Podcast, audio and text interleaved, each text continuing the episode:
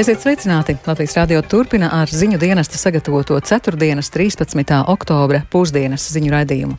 Ar to studijā pārslas saktiņa. Un vispirms īsi ieskats raidījuma tematos. Iekšlietu ministrija un robežsardze noraida Amnesty International pārmetumus par migrantu spīdzināšanu uz Baltkrievijas robežas tas liecību skaits ir ļoti liels bijis. Cilvēki tiešām stāsta par savu piedzīvoto, tā skaitā vardarbību.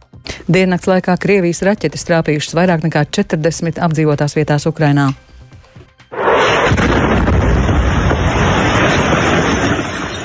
Liels daudzums triecienu konstatēts piemēram Mikolaivas, Vinnicas, Čerkas un Černihivas reģionos. Krievija izmantojusi arī Irānā ražotos dronus pašnāvniekus. Studējošo atbirums jau septembrī, ar to saskars augstskolas, kurās apgūst medicīnu. Vidusskolas gados viss gāja ļoti raiti, bet te visgrūtākais arī ir jāmācās ar sapratni. Nevar vienkārši iekalt. Tiesība aizstāvības organizācija Amnesty International apsūdz Latviju vardarbībā pret migrantiem uz Baltkrievijas robežas. Latvija vardarbīgi iegrūda migrantus atpakaļ Baltkrievijā un dažus pat pakļāva spīdzināšanai, apgalvo organizācija. Ziņojumā teikts, ka cilvēkus, kuri mēģināja šķērsot robežu no Baltkrievijas uz Latviju, piekāva un pazemoja robežsargi. Organizācija piebilst, ka Latvijas attieksme pret migrantiem no Baltkrievijas krasi kontrastē ar tās ātro mobilizāciju, lai sniegtu patvērumu daudziem daudziem tūkstošiem Ukrainas migrantu. Turpina Rihards Plūme. Amnesty International ziņojumā sīki aprakstīta iespējamā varas ļaunprātīga izmantošana, patvaļīga aizturēšana, slikta izturēšanās, nedroši un antisanitāri apstākļi un pat spīdzināšana. Tajā citēts kāds irākietis Zakī, kurš sacīja, ka trīs mēnešu laikā pie robežas ticis grūst uz priekšu un atpakaļ vairāk nekā 150 reižu, tostarp dažkārt pat astoņas reizes dienā. Cits irākietis Adils sacījis, ka viņš un citi migranti gulējuši mežā sniegā. Amnestija Eiropas institūciju biroja direktore Ieva Gedija norādījusi, ka Latvijas darbībām nesot nekāda sakara ar robežu aizsardzību, un tās ir nekaunīgi starptautisko un Eiropas Savienības tiesību pārkāpumi. Iekšlietu ministrija un valsts robežsardze noraida Amnesty International pārmetumus par bēgļu un migrantu patvaļīgu aizturēšanu un spīdzināšanu uz Baltkrievijas robežas. Šādi gadījumi nav konstatēti.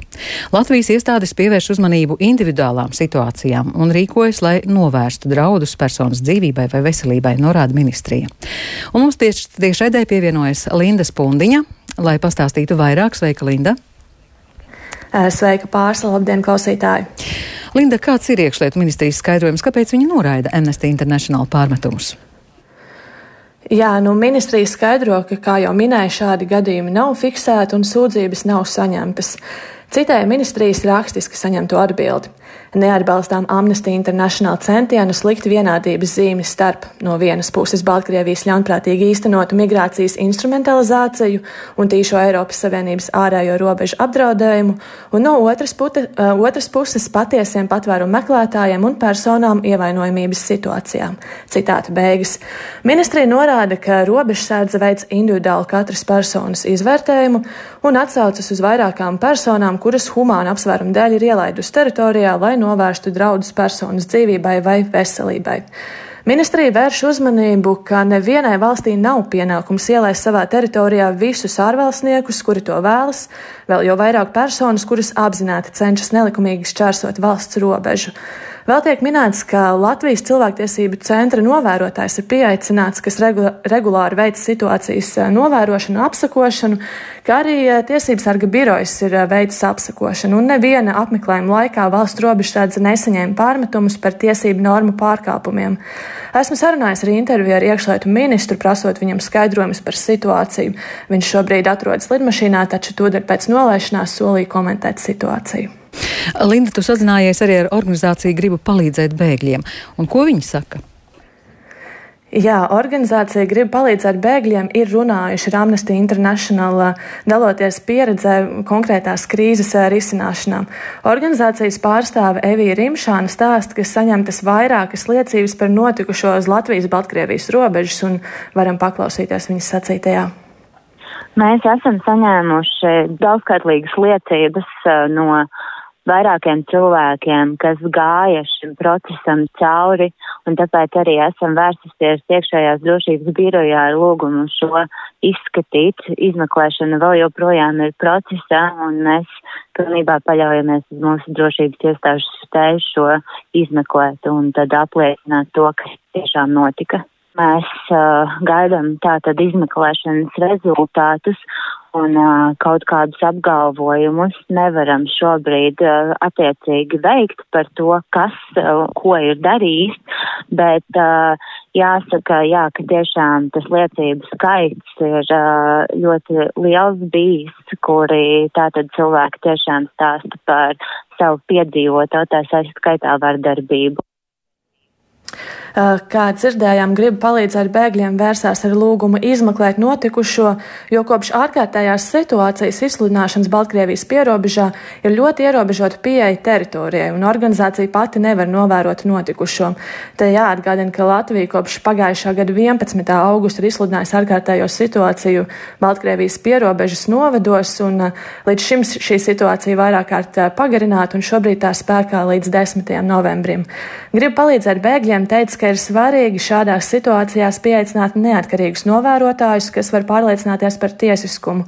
Evija Rimšāna skaidroja, ka tad, kad ANO pārstāvji ieradās novērtēt situāciju, pēkšņi vairs cilvēku teritorijā nebija. Jāpiebilst, ka situāciju pierobežā var apsakot un arī apsakoja, kā jau minēju, tiesības sarga birojas. Viņi atklāja, ka nav neviena pārkāpuma, konstatē, nav, nav neviena pārkāpuma konstatējuši, un tiesības sarga biroja pārstāve Ruta Siliņa norāda, ka ir svarīgi, lai būtu individuāls izvērtējums tam, kuras personas humāna apsvēruma dēļ tiek ielaistas valstī, un kopš ārkārtējās situācijas izsludināšanas līdz otrdienai šāda apsvēruma dēļ jau ielaistas teju 200 personas. Tāpat biroja pārstāvi devušies apsakojuma vizītēs uz vietas, un arī tad pārkāpumus nekonstatēja. Par to, kā tiesības sarga birojas izdara savus pieņēmumus, varam paklausīties Rūtas Siliņas sacītajā. Piemēram, ierodoties Daugavpils aizturēt personu centrā, tika intervētas arī šie cilvēki, kas tika ielaisti Latvijā. Un, nu, lai saprastu, to, tad pret viņiem tur tika pielietots spēks, netika. Un viena ģimene saka, ka viņiem, teiksim, tur, viņiem ir aizdoms, ka pret viņiem pielieto elektrošoku. Savukārt, tad, kad mēs prasām, vai jūs lūdzu varat aprakstīt, tad tas paliek ļoti nekonkrēti. Un, un uzreiz pēc tajā pašā vizītes laikā mēs arī faktiski uz robežas pārbaudām, kas tiem robežsargiem vai vispār viņiem tāda elektrošoka ir. Nu, nav viņiem tādu. Mums tāda cilvēki saka, mēs pārbaudām to dabā. Un nevis prasām dokumentāru, nezinu, tur vēstuļu, vēstuļu sarakstīšanās, bet faktiski dabā. Es nekomentēšu, cik ticami vai masticami būtu Amnesty International šīs liecības. Ja? Mēs varam runāt par tām liecībām, kas ir ienākušas mūsu birojā. Un uh, Ruta Siliņa vēl skaidro, ka, kad tiesības sarga birojas saņem uh, kādus signālus par iespējamām vardarbības izpausmēm, tad informāciju tālāk nodod arī iekšējās drošības izmeklēšanas birojam. Pārsla. Paldies!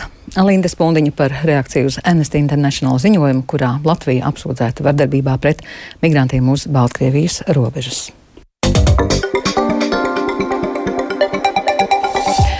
Turpinoties Krievijas armijas īstenotajām Ukrainas teritorijas apšaudēm, pagājušajā diennaktī Krievijas raķetes trāpījušas vairāk nekā 40 apdzīvotās vietās. Par to paziņojuši Ukrainas armijas ģenerālštāps.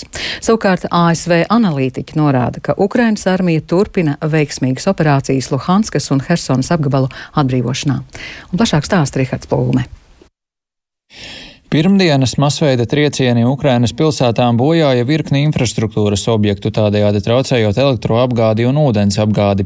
Kā atzinis Ukrainas prezidents Valdemirs Zelenskis, iebrucēju uzbrukuma rezultātā pēdējo dienu laikā tika bojāta aptuveni trešā daļa Ukrainas enerģētikas infrastruktūras. По всій країні сьогодні продовжилось відновлення після дводенної російської ракетної атаки.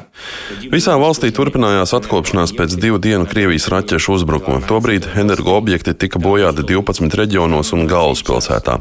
Uz šo brīdi elektroapgādes tehniskās iespējas ir pilnībā atjaunotas lielākajā daļā reģionu. Četros reģionos darbi turpinās un drīzumā jāpabeidz remonta darbi. Ir vērts elektroenerģijas patēriņu sadalīt pa dienas stundām, lai pēc iespējas mazāk izmantot iekārtas, kurām nepieciešams ievērojams elektroenerģijas daudzums pīķa stundās. Krievijas armijas triecieni Ukrainā turpinās joprojām, un mērķu vidū ir gan dzīvojamās ēkas, gan enerģijas infrastruktūra. Gaisa trauksme šorīt skanēja centrālajā Ukrainas daļā un Kijavas apgabalam uzbrukts ar droniem pašnāvniekiem. Raķetes kritušas arī dienvidos, Mikolājivā, kur trāpījušas piecstāvu dzīvojamajai ēkai un glābējiem izdevies no gruvašiem izvilkt 11-gadīgu puisi. Ukrainas armijas ģenerālštāps vēsta, ka pagājušajā diennaktī Krievijas raķetes trāpījušas vairāk nekā 40 apdzīvotās vietās. Liels daudzums triecienu konstatēts piemēram Mikolaivas, Vinnicas, Čerkas un Černihivas reģionos.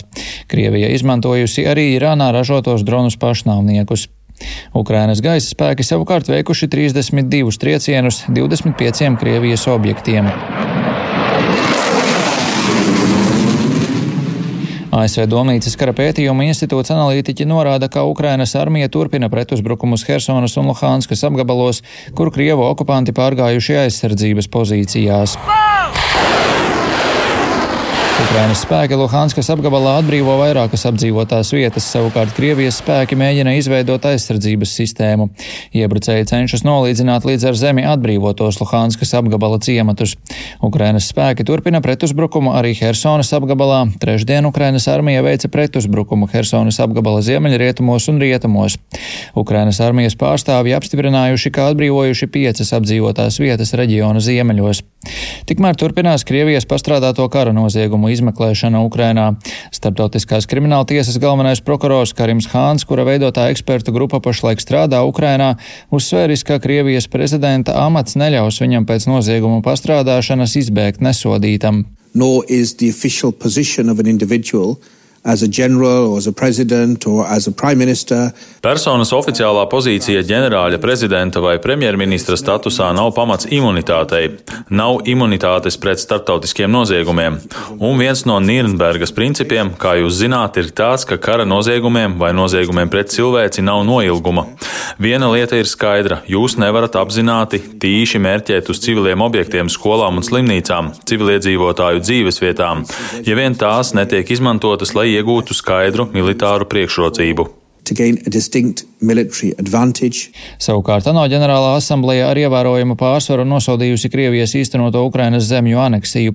35 valstis balsojumā atturējās par spīti ASV diplomātiskajiem centieniem panākt skaidrāku Maskavas nosodīšanu. Šo valstu vidū bija Dienvidāfrika, Indija, Ķīna un Pakistāna. Rihards Plūme, Latvijas radio.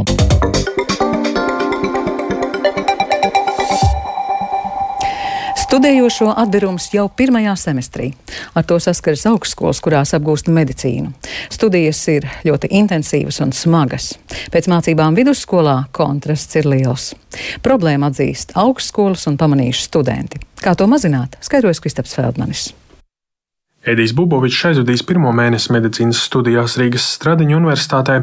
Viņš atzīst, studijas ir ļoti sarežģītas un pamatīgi atšķiras no mācībām skolā. Pats gan šobrīd spēj tās apvienot ar darbu, hobijiem un savu izvēli nenožēlo. Es domāju, ka izdosies, jo galvenais visu ir pareizi saplānot. Es teiktu, ka nekā nereāli nav. Vidusskolas gados viss gāja ļoti raiti. Es mācījos pārsvarā vairāk stundā, klausījos, kas stundā bija, un tad varēju mierīgi nokārtot visu pārbaudījumus. Bet te ir tas, ka es saprotu, ka man jāmācās papildus ārpus skolas laika, kas visgrūtākais arī ir jāmācās ar sapratni. Nevar vienkārši iekalt. Edijs gan zina kursa biedrus, kuri jau sapratuši, ka mediķa karjera nav priekš viņiem, bez tam šobrīd sākušies pirmie kolokviji, un Edijs ir pārliecināts, ka kādam tie izrādīsies nepārvarami. Edijs piekrīt, medicīnas studijas ir ļoti intensīvas, apjomīgas un patiesi garas. Tas gan arī nozīmē, ka topošie mediķi, medmāsas, farmaceiti un zobārsti studiju iesākumā nereti biežāk kā citi saprot, ka izdarītā izvēle tomēr nav viņiem piemērota un mācības pamati. To uzsver Latvijas Universitātes medicīnas fakultātes studiju direktore Mīna Mežiņa Mamājeva. Medicīnas fakultātē vienmēr septembris ir galvenais rādītājs, kad ir šis atbirums, jo tad tālāk jau faktiski faktiski nav, jo pirmais mēnesis ir tad, kad saprotu, un šobrīd mums ir 12 studenti eksmatrikulēti, kas kopumā veido 5%, kas eh, faktiski nav daudz. Ja mēs skatāmies no medicīnas fakultātes viedokļa, ja mēs skatāmies kopumā no universitātes, tad faktiski jā, medicīnas fakultātē ir atbirums skaits eh, lielāks No visiem aizgājušajiem pirmkursniekiem Latvijas Universitātes medicīnas fakultātē trīs ir ārsti. Kopumā sešu mācību gadu laikā studijas pamatot ap 10 līdz 15% topošo mediķu, taču Mežiņuma māja uzsver, ka starp šiem cilvēkiem ir arī tādi, kas paņem vienu pārtraukumu. Universitāte gan daudz domājot par to, kā atbirumu mazināt, esot gan mentoru, gan kuratoru atbalsts, arī iespēja izmēģināt citas studiju programmas. Savukārt Rīgas Stradiņu universitātē šogad iestājās 266 latviešu plūsmas medicīnas medicīnas studenti, no tiem seši jau studijas pametuši. Covid laikā pirmajā gadā medicīnas studijas pamet nedaudz vairāk jauniešu nekā pirms tam. Kopš 2019. gada vidēji 32 studējošie. Stradiņa Universitātes medicīnas fakultātes prodekāns asociētais profesors Ingus Skadiņš skaidro, dažreiz studijas jauniešiem izrādās par grūtu, citi saprot, ka medicīna vai veselības aprūpe kopumā nav domāta viņiem, citi dodas studēt vai dzīvot uz ārzemēm. Skadiņš gan uzskaita dažādus līdzekļus, ar kuriem studentus un vēl skolas solā sādošos informē un ļauj laicīgi saprast, vai izvēlētais ceļš būs pareizais. Pirmais strādājam ar pašiem skolniekiem caur jauno mediķu akadēmiju, caur citām aktivitātēm, ko nozīmē ārsta profesija, ko nozīmē arī faktiski studijas medicīnas programmā. Vēl skolniekam ir iespēja atnākt uz kādu lekciju vai nodarbību, jau iejusties reāli studenta ādā. Tad jau, kad students ir iestājies, tad mums arī ir mentoru programmas, vai ir studējošie, kuri saprot, ka, piemēram, izvēlētā programma nav tā īstā, tad mēs varam viņu pārvirzīt uz kādu citu programmu. Skadiņš novērojis visvairāk studentu mācības medicīnā pārtrauc pirmajos divos mēnešos. Vēlāk kritums vairs nesot tik strauji. Tikmēr augstākās izglītības kvalitātes aģentūras kvalitātes vērtēšanas nodaļas vadītāja Ilva Grigorjeva Latvijas radio informēja, ka šobrīd norisinās veselības aprūpes studiju novērtēšana un akreditācija. Pēc pusgada, kad būs noslēgusies novērtēšana, būs arī skaidrāk zināma informācija par medicīnas studiju atbiruma iemesliem un iespējamiem risinājumiem. Kristaps Feldmanis, Latvijas radio. Rīgas Stradiņa universitātes studējošo pašpārvalde novērojusi, ka medicīnas studenti mācības pamet gan tādēļ, ka nespēja nokārtot pārbaudījumus, gan tādēļ, ka liela apjoma dēļ iekrāja pārāk daudz parādu. Daži saprot, ka nespēja studijas apvienot ar darbu, taču no tā aiziet neļauj finansiālā situācija. Taču Stradiņa universitātes studējošo pašpārvaldes vadītājs Toms Mārtiņš Smilga izceļ vēl kādu būtisku faktu. Daudzi salūst zem emocionālā sloga. Tādēļ sesiju laikā pie universitātes piedāvātajiem psihologiem veidojas milzīgas rindas, un emocionālo spriedzi vismaz mazināt varētu arī atsevišķi docētāji, vairāk rēķinoties ar studējošajiem. Ar to Mārtiņu Smilgu sarunājās Kristaps Feldmanis. Jūs, kā studentu pārstāvis Rīgas Stradiņa universitātē, noteikti daudz saskaraties ar medicīnas studentiem un viņu problēmām. Kā jūs raksturot šīs studijas, to sarežģītību? Godīgi sakot, ir sarežģītāks nekā citas. Ir ļoti intensīvi pirmie gadi, diezgan daudz tie cikli. Ja mums iestājās kaut kādi 240, tad, piemēram, pēdējos gados, nu, pabeidz kaut kādi 170, 160. Nu, tas ir diezgan. Pieļauju, ka esat arī runājuši ar studentiem, kuri aizgājuši vai plāno to darīt, un kas tad atklājas šajās sarunās, kāpēc studenti pamet medicīnu? To, ko visvairāk dzird, kad ir nespēja mācīties un kaut ko iekavē, ir arī tādi, kuri saprot, ka medicīna nav viņu, tad ir tādi, kas mentāli nespēja izturēt, un tad ir arī tādi, tas gan mums medicīnā nav tik ļoti raksturīgs, mums ir lielākā daļa budžeta studentu, bet arī finansiāli. Bet kā šiem cilvēkiem varētu palīdzēt? Ir gan finansiāli atbalsta mehānismi, nu, stipendijas un kaut kādi citi motivatori, arī privātās stipendijas. Mentālai veselībai tas noteikti ir psihologi, psihoterapeiti. Viņi ir pieejami. Vienīgā problēma, ar ko mēs šobrīd saskaramies, viens ir nav pieejams individuālās psihoterapeita konsultācijas, otrs ir, kad uz sesijas laiku tieši ļoti pieaug šis pieprasījums, un, diemžēl, tur ir vairāku nedēļu rindas. Tad, ja tu sesijas sākumā saproti, tad ar lielu varbūtību, tad mēs sesijas laikā netiec pie šī psihologa. Bet tas, ka šis pieprasījums sesijā ir tik milzīgs, jau pats par sevi nesignalizē, ka studentiem tā emocionālā spriedze ir pārāk liela, vai arī jāpieņem, ka studijas vienkārši tādas ir. Es nezinu, cik ļoti ir iespējams atvieglot medicīnas studijas. Vienīgais, kas ir, ir plānošana un mazināt slogu konkrētos gados, bet viņu izvērst. Un vai ir jūtams, ka pasniedzēji dara visu, lai šīs studijas vēl vairāk nesarežģītu, vai tomēr arī šeit ir ko uzlabot? Noteikti ir, ir atsevišķi gadījumi, kad pēdējā dienā pārceļ nodarbības un tad pēkšņi, piemēram, tas pats students, kas paralēli strādā, tagad vairs netiek, un viņam pēc tam ir jāstrādā vai kā tam līdzīgi. Tas ir. Ar Rīgas Stradiņu universitātes studējošo pašpārvaldes priekšsēdētāju Tomu Mārtiņu Smilgu sarunājās Kristaps Feldmanis.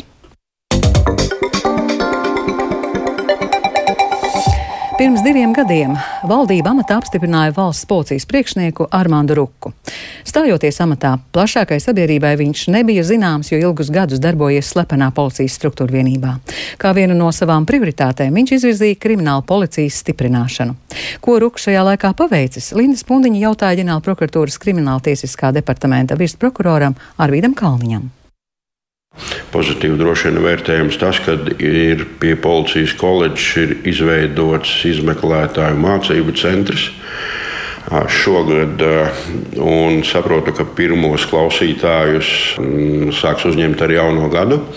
Tas ļaus varbūt celt šo izmeklētāju kvalifikāciju, izmeklēšanas nu, kopējo varbūt kvalitāti. Runājot par sadarbības kvalitāti starp institūcijām, starp prokuratūru un policiju, kāda tā ir? Jūs minējāt, tā ir laba, bet uzlabojusies ciešāka sadarbība? Nu, Droši vien, ka viss ir atkarīgs no katra reģiona un no tiem cilvēkiem, kas šajā struktūrā strādā. Taču nu, kolēģi uzsver, jā, ka šī sadarbība ir uzlabojusies. Arī policija ir ieinteresēta ātrāk pabeigt vienkāršos procesus, lai pievērstos varbūt nu, šo smago, sevišķi smago noziedzīgo nodarījumu izmeklēšanā. Savukārt, runājot par smagiem noziegumiem, kā policija veids ar to izmeklēšanu, nu, piemēram, slepkavības. Lielākā daļa no visām izdarītām slepkavībām iepriekšējo gadu, varbūt, kas ir bijušas. Viņas nosacīti mēs tā varam devēt, kad ir atklātas. Ja tās ir sadzīviska rakstura slepkavības, tad arī lielu, lielu varbūt, problēmu pierādījumu iegūšanā, savākšanā un nostiprināšanā neprasa. Protams, ir arī objektīvi iemesli, nu, ekspertīzes nepieciešamās ekspertīžu termiņi. Ja mēs runājam par sarežģītākām, varbūt, un pasūtījumu slepkavībām, nu, tas varbūt jau ir komplicētāks jautājums, un, un tas arī varbūt nenotiek šī atklāšana tik ātri, un tur ir arī objektīvi iemesli droši vien. Nu, jūs droši vien zināt arī bunkus lietu. Nu, Rukam stājoties amatā, pagāja laiks, un nu jau, nu jau arī zinām, ir iespējami aizdomās turētajā šajā lietā. Vai tā ir bijusi vadības ietekme to, tajā, cik ātri process noritēs? Nu, es nevaru tur dro, droši vien komentēt. Es gribētu teikt tā, ka šajā konkrētā lietā operatīvais darbs ir noritējis visu laiku. Droši vien, ka šajā konkrētā lietā arī konkrēti no Ruka kunga droši vien ir atbalsts sniegts, lai šī un arī varbūt citas skaļākas lietas tiktu atklātas un pierādījumi tiktu nostiprināti un lieta varētu tikt virzīta prokuratūrai krimināla vajāšanas uzsākšanai. Jautājums ir, vai cik to var ietekmēt iestādes vadītājs? Nu, protams, ka viņš var ietekmēt tādā ziņā, lai nodrošinātu ar resursiem, nepieciešamiem resursiem. Runājot par policijas komandu, zināms tas, ka Ruks nāca amatā un veidoja dažādas reformas, rotācijas darbinieku savstarpējās arī nesen kāda bijusi. Kā jūs to vērtējat? Vai tas ir nesis kādus augļus arī sadarbībā? Nu, man ir grūti atbildēt par rotācijas iemesliem. Droši vien, ka katrā iestādē tas ir labāk redzams. Arī, arī reģionos notiek struktūrāls reformas, es saprotu, policijā un paredzētas ir. Nu, pret šīm struktūrālām reformām arī tā attieksme ir dažāda. Nu, jo nepārtraukti tiek reformēts kaut kas, un arī tā skaitā izmeklēšanas iestādē. Un loģiski, ka jebkura reforma kādu laiku droši vien ir nu, uzreiz to pienesumu nenes, kādēļ viņa ir domāta. Tur ir jāpaiet kaut kādam laikam, lai varētu izdarīt secinājumus. Ar ģenerāla prokuratūras krimināltiskā departamenta virsprokuroru Arvidu Kalniņu runāja Linda Spundiņa. Ar to izskan pusdienas ziņu raidījums. Producents Viktors Pupiks ierakstus montēja Uldis Grīnbergs par labskaņu rūpējās Katrīna Bramberga. Ar jums runāja pārslas aktiņa vēl īsi par svarīgāko. Iekšlietu ministrija un robežsardze noraida Amnesty International pārmetumus par migrantu spīdzināšanu uz Baltkrievijas robežas. Diennakts laikā Krievijas raķetes trāpījušas vairāk nekā 40 apdzīvotās vietās Ukrainā. ASV analītiķi norāda, ka Ukrainas armija turpina veiksmīgas operācijas Luhanskas un Hersonas apgabalu atbrīvošanā.